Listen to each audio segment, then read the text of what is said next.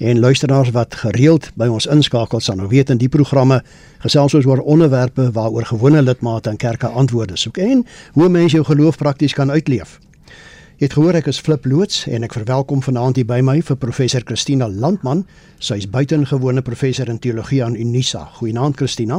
Goeienaand Flip, goeienaand luisteraars. Nou wil ek hom net sê iemand het verlede keer gevra wat se ding is 'n buitengewone professor? Toe sê sy vir my, sy het nou afgetree, maar nou het sy 'n kontrak om nog bepaalde funksies by Unisa te doen as professor. Is dit reg so Christina? Dis reg so. Nou ja, daar het ons dit nou.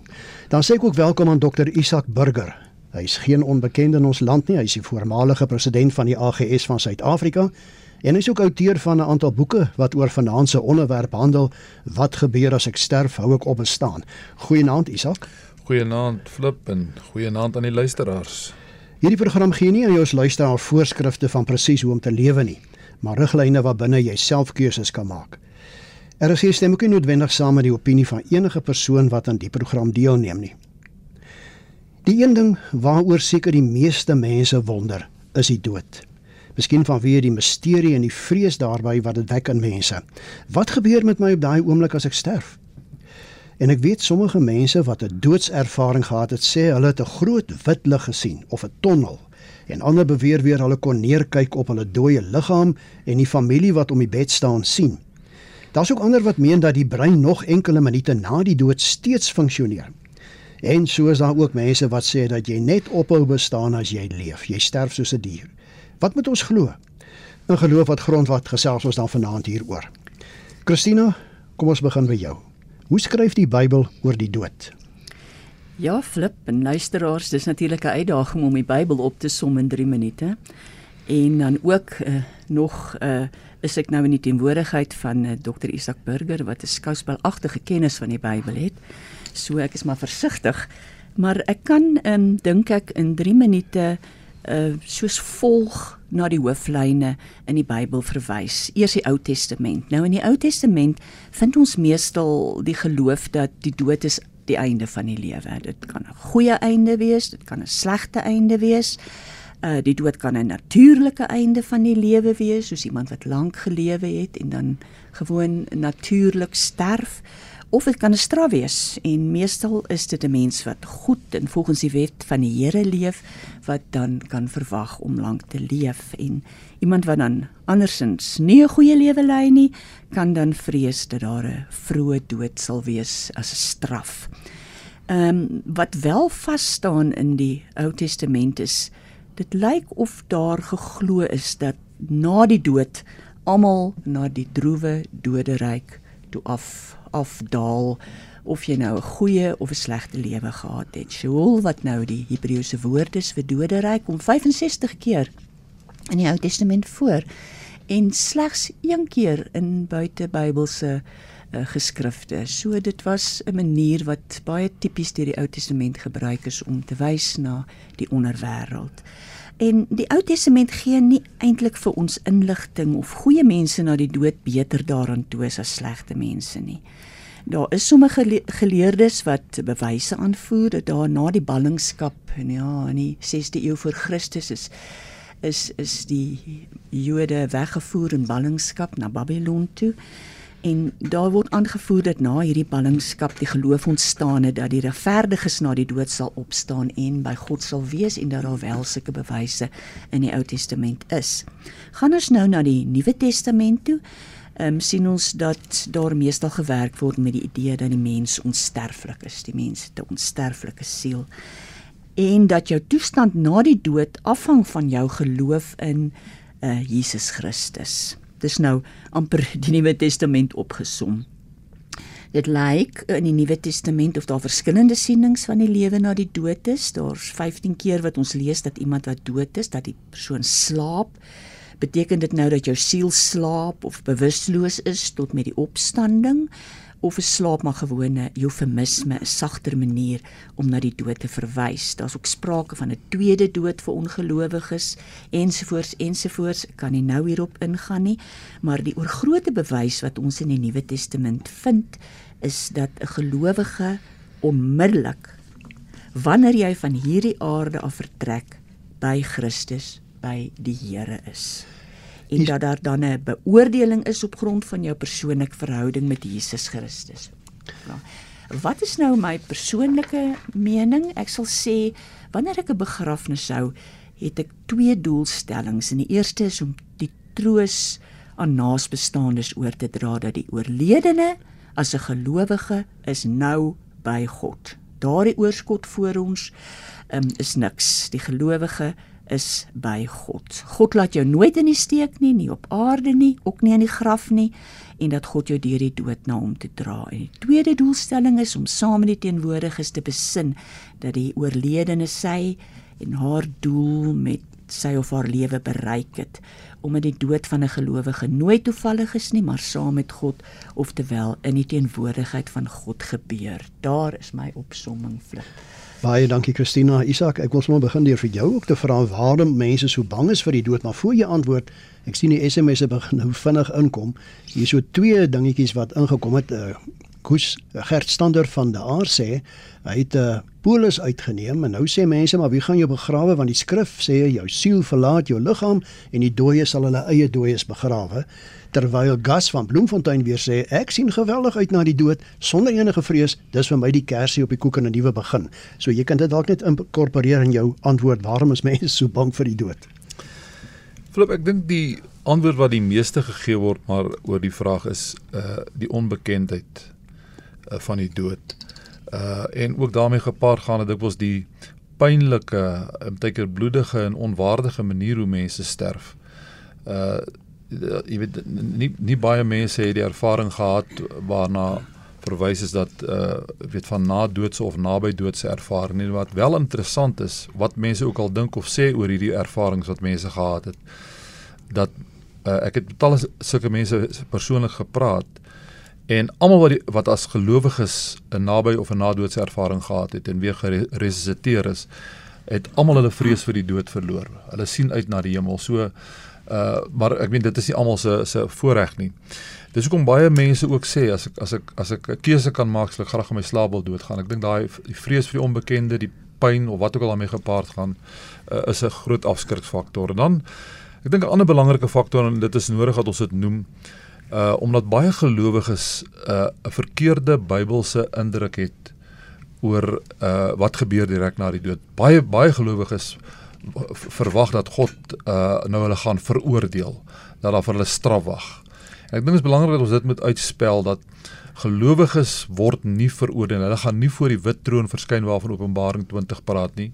Hulle kom voor die regterstoel 1 Korintiërs 3 spel duidelik waar hulle werke beoordeel gaan word. Maar daar is nie veroordeling vir die wat sterf nie. Uh en dan moet ons ook sê dat daar is gelowiges en ek het met talle van hulle in my lewe ontmoet wat ehm um, vreesloos die dood in die oë kyk wat wat uh, terwyl terwyl besig om te sterf en nog by hulle positiewe is uh met met nugtere kalmheid amper soos Paulus in in 2 Timoteus 4 se praat van ek het die goeie stryd gestry ek het die wedloop volëindig. So ek ek dink dit is dikwels die gebrek aan aan eerstens aan aan aan aan kennis oor wat by die dood gebeur werklik want dit, dit wie weet dit werklik en tweedens instansie dat mense 'n verkeerde verwagting het oor wat na die dood gaan gebeur. As as daarom sê ek is vir my belangrik dat mense wat wat 'n naby doodse ervaring het daarna positief voel oor die dood en nie bang is daarvoor nie. Ek gaan nou net vir jou vra um, Isak of jy self duidelikheid oor hierdie saak het, maar eers wil ek weet hoe moontlik is dit om presies te weet wat gebeur na die dood? Flip die, die woord misterie misterie is vanaand meer as een keer al gebruik en ons moet altyd erken as ons oor die hele kwessie van van van dood praat en wat na die dood gebeur. Is daar is dit is dit is daar 'n groot stuk misterie wat dit omhul. Mense sou graag gehad het die Bybel en die Here Jesus self mense baie meer vertel daaroor. Uh, daar is weliswaar veral in die Nuwe Testament is daar heelwat verwysings na mense wat wat uh, na na die dood en wat gebeur veral in Openbaring. Ek dink die die duidelikste uiteensetting kom uit die mond van die Here Jesus self in Lukas 16 waar hy vertel van die ryk man en Lazarus wat met hulle gebeur het direk na hulle gesterf het en dat hulle in dat die dat hulle in twee verskillende plekke was. Die een was in die doderyk in vlam en die ander was in die paradysgedeelte van die doderyk wat waar hy in die boesem van Abraham was. So ek dink nie 'n mens kan met met absolute gesag praat nie. Die belangrikste ding vir my en ek wil dit onderstreep. Die belangrikste realiteit en feit van die van die van die hemel of die lewe na die dood is dat die gelowige by Christus gaan wees. En dis waarom ek dink uh jy weet uh, ek ek, ek miskien moet ek sê ek kan nie dink hoe iemand wat Christus verwerp het om nooit erken het of aanvaar as verlosser nie. Uh die dood moet tegemoet gaan. Is vir vir interessant dat mense dikwels vind dat sulke mense of hulle familie uh vervaard gryp na godsdienstige gedagtes of mooi woorde om net 'n stukkie troos en hoop te kry oor die lewe na die dood. Maar die belangrikste is soos ek gesê het, die gelowige as hy sterf gaan hy by Christus wees. En as al al, al, al hy die hemel gelyk soos die Sahara woestyn. As Jesus daar is, as God daar is, hy maak dit hemel. Ek dink nie ons kan naaste by is indink hoe dit moet wees om soos wat Johannes sê God van aangesig tot aangesig te sien om te sien uh soos hy is nie. Uh, en ek dink dis die essensie vir my van die hemel. Is nie al die paraphernalia wat wat wat 'n mens uh in Openbaring voorlees nie. Dit gaan oor dat ons by God gaan wees. Dis die heel belangrikste. Ja, nou, jy antwoord nou eintlik die vraag wat ek jou wou vra of jy self duidelikheid het oor waar 'n mens heen gaan, wat gebeur as jy gesterf het, of jy net ophou bestaan, want dis wat baie mense wil weet, nê, nee? of gaan jy iewers heen waar jy bewuslik bestaan? So as ek jou nou reg gehoor het, Isak, dan gaan ons bewuslik bestaan na die dood. Die Bybel is daaroor baie duidelik, Philip, dat ons gaan nie in 'n onbewustelike, bewustelose slaaptoestand nie. Uh Christina het daarna verwys uh dat die woord ontslaap in die Bybel as dit gebruik word, word in die eerste plek altyd net van gelowiges gebruik, nooit van ongelowiges wat ontslaap nie. In tweede instansie, dis 'n eufemisme om die hardheid van die dood ietwat sagter te stel.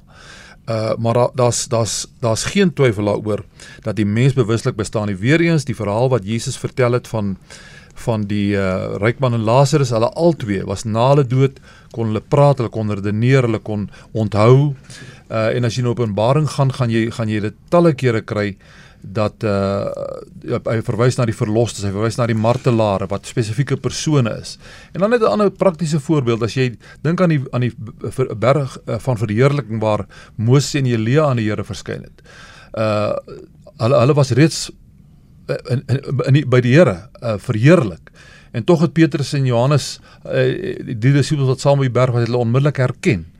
So daar's genoeg uh, aanduiding dat dat dat die dat mense bewuslik sal wees dat hulle me, mekaar sal herken aan die ander kant daar's oors oors genoeg uh, bewys daarvan. Nou hoor ek nou die dag iemand vra van my Isak. Maar jy sê ons lees in die Bybel in 2 Korintiërs 5 vers 1 en ek haal dit aan ons weet dat wanneer ons aardse woning wat maar 'n tent is afgebreek word ons 'n vaste gebou in die hemel het. En dis 'n woning wat nie deur mense gemaak is nie, maar deur God en dit bly ewig staan. En toe vra die persoon, hoe moet ons dit verstaan? Hulle dink baie prakties, nê. Hoe lyk die woning? Is dit soos 'n groot woonstel met baie kamers? Hoe moet ons dit verstaan? Kyk, Jesus het in Johannes 14 vers 1 en 2 gesê, moet julle laat julle harte nie ontstel word nie, glo in God, glo in my. In die huis van my Vader is daar baie wonings. Ek gaan of jy 'n plek te berei. Ons moet altyd onthou wanneer ons oor die hemel en oor uh uitsprake in die Bybel oor die hemel luister, dit 'n ander wêreld, 'n ander dimensie is. En dit is belangrik dat dit moet sê. Ons ons is so geneig om te, om in 'n aardse vyf uh sintuiglike dimensie te dink as ons oor die hemel praat. Uh ek dink was 'n groot uitdaging vir persone soos Johannes en Paulus om dit wat hulle gesien en gehoor het uh in aardse terme en konteks te stel. Openbaring 21 sê Jesus self uh aan aan aan Johannes die die nuwe hemel sal uh, neerdal op die nuwe aarde. Uh daar's beskrywings van hoe die hemel nuwe Jerusalem gaan lyk. Weereens wil ek sê ek dink nie ons moet daar 'n kloof oor hoe groot die hemel is, is die strate van goud, is dit lyk dit so 'n woonstel of is dit 'n stad nie. Die belangrikste ding is ons gaan by die Here wees en Jesus het gegaan om vir ons 'n plek te berei. Jy luister na RSG, dis die program Geloof wat grondvat en ons gesels vanaand oor wat gebeur as ek sterf? Hou ek net op bestaan? Ek is Flip Loots en my gaste is professor Christina Landman en dokter Isak Burger. En dankie vir die luisteraars wat reeds so flink saamgesels. Jy kan dit ook doen. Gebruik die SMS nommer 45889. Elke SMS kos R1.50.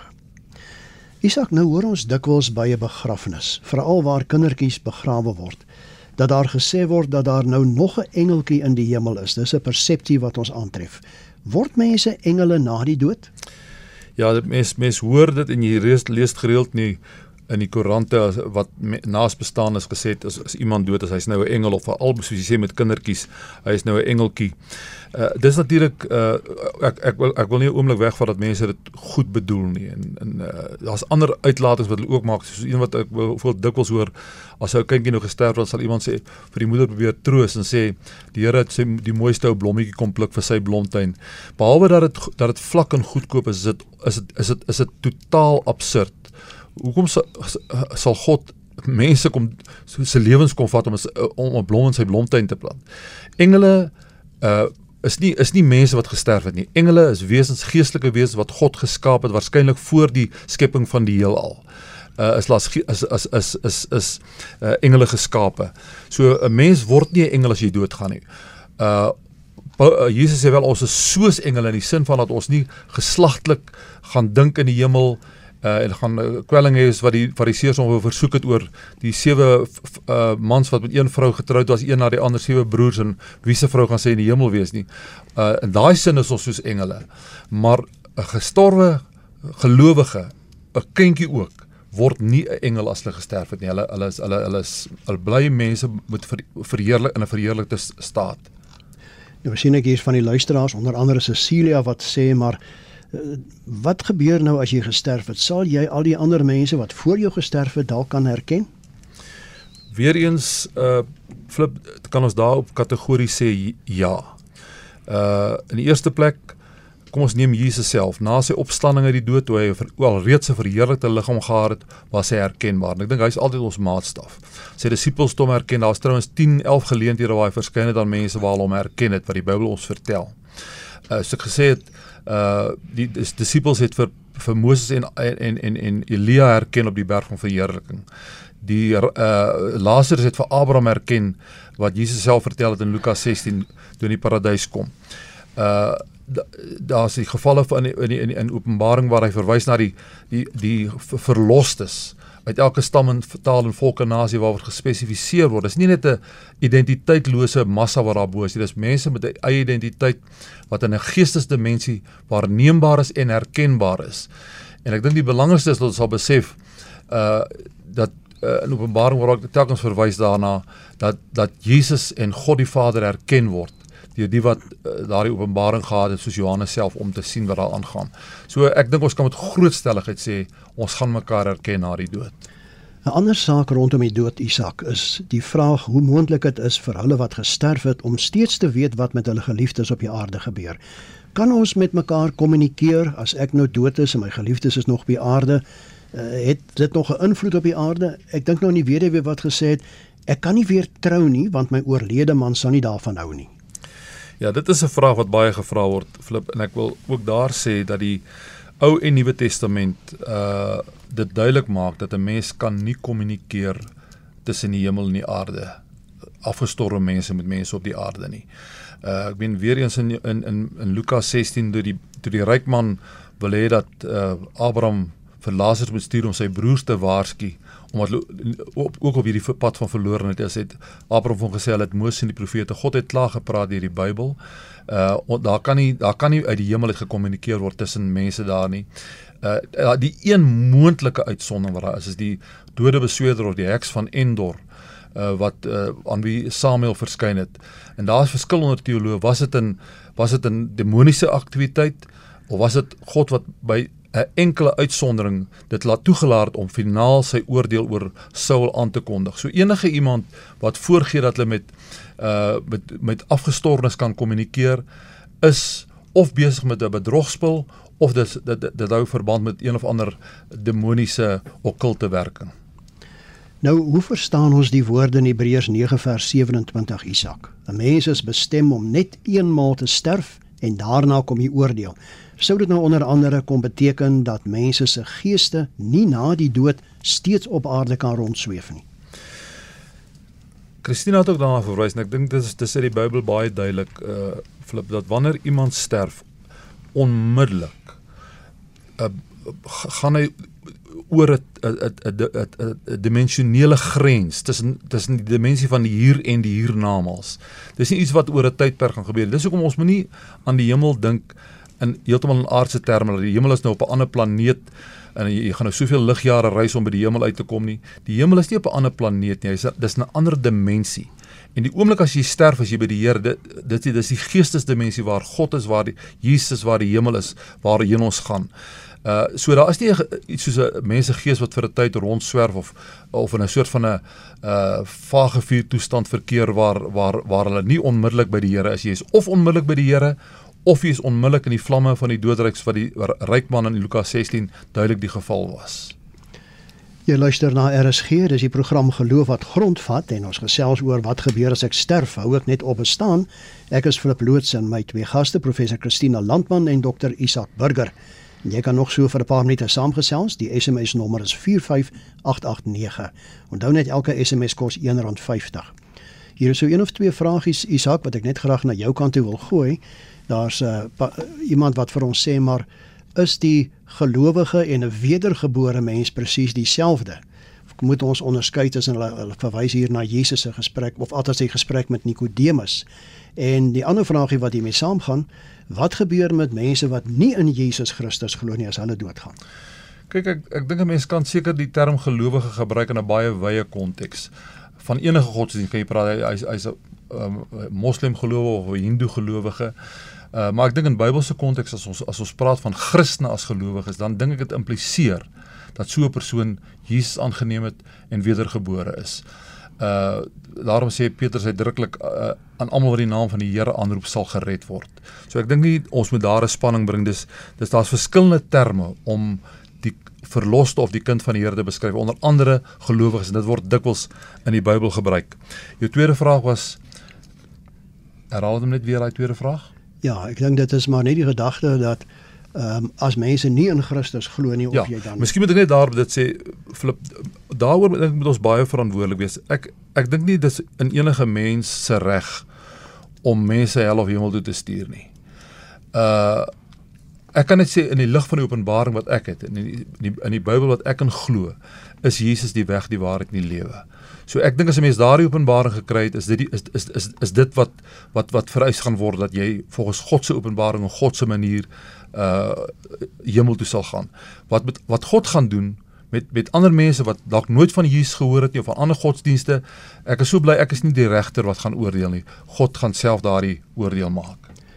Daar word gesê Isak dat jy na jou sterwe in 'n tussentoestand beland omdat jy eers later ten volle die hemel sal ingaan wanneer jou gees met 'n nuwe verheerlikte liggaam herenig word. Wat is jou kommentaar? Kyk, dit is so, as 'n mens sterwe, logies jou liggaam of jy nou veras word of of begrawe word, gaan gaan gaan terugkeer tot stof toe.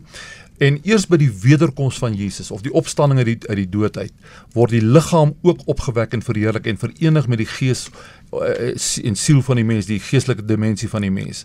So dat as jy in daai sin wil praat van 'n tussentoestand tussen uh die sterwe en die wederkoms van die Here, dan kan jy sekerlik praat van 'n tussentoestand.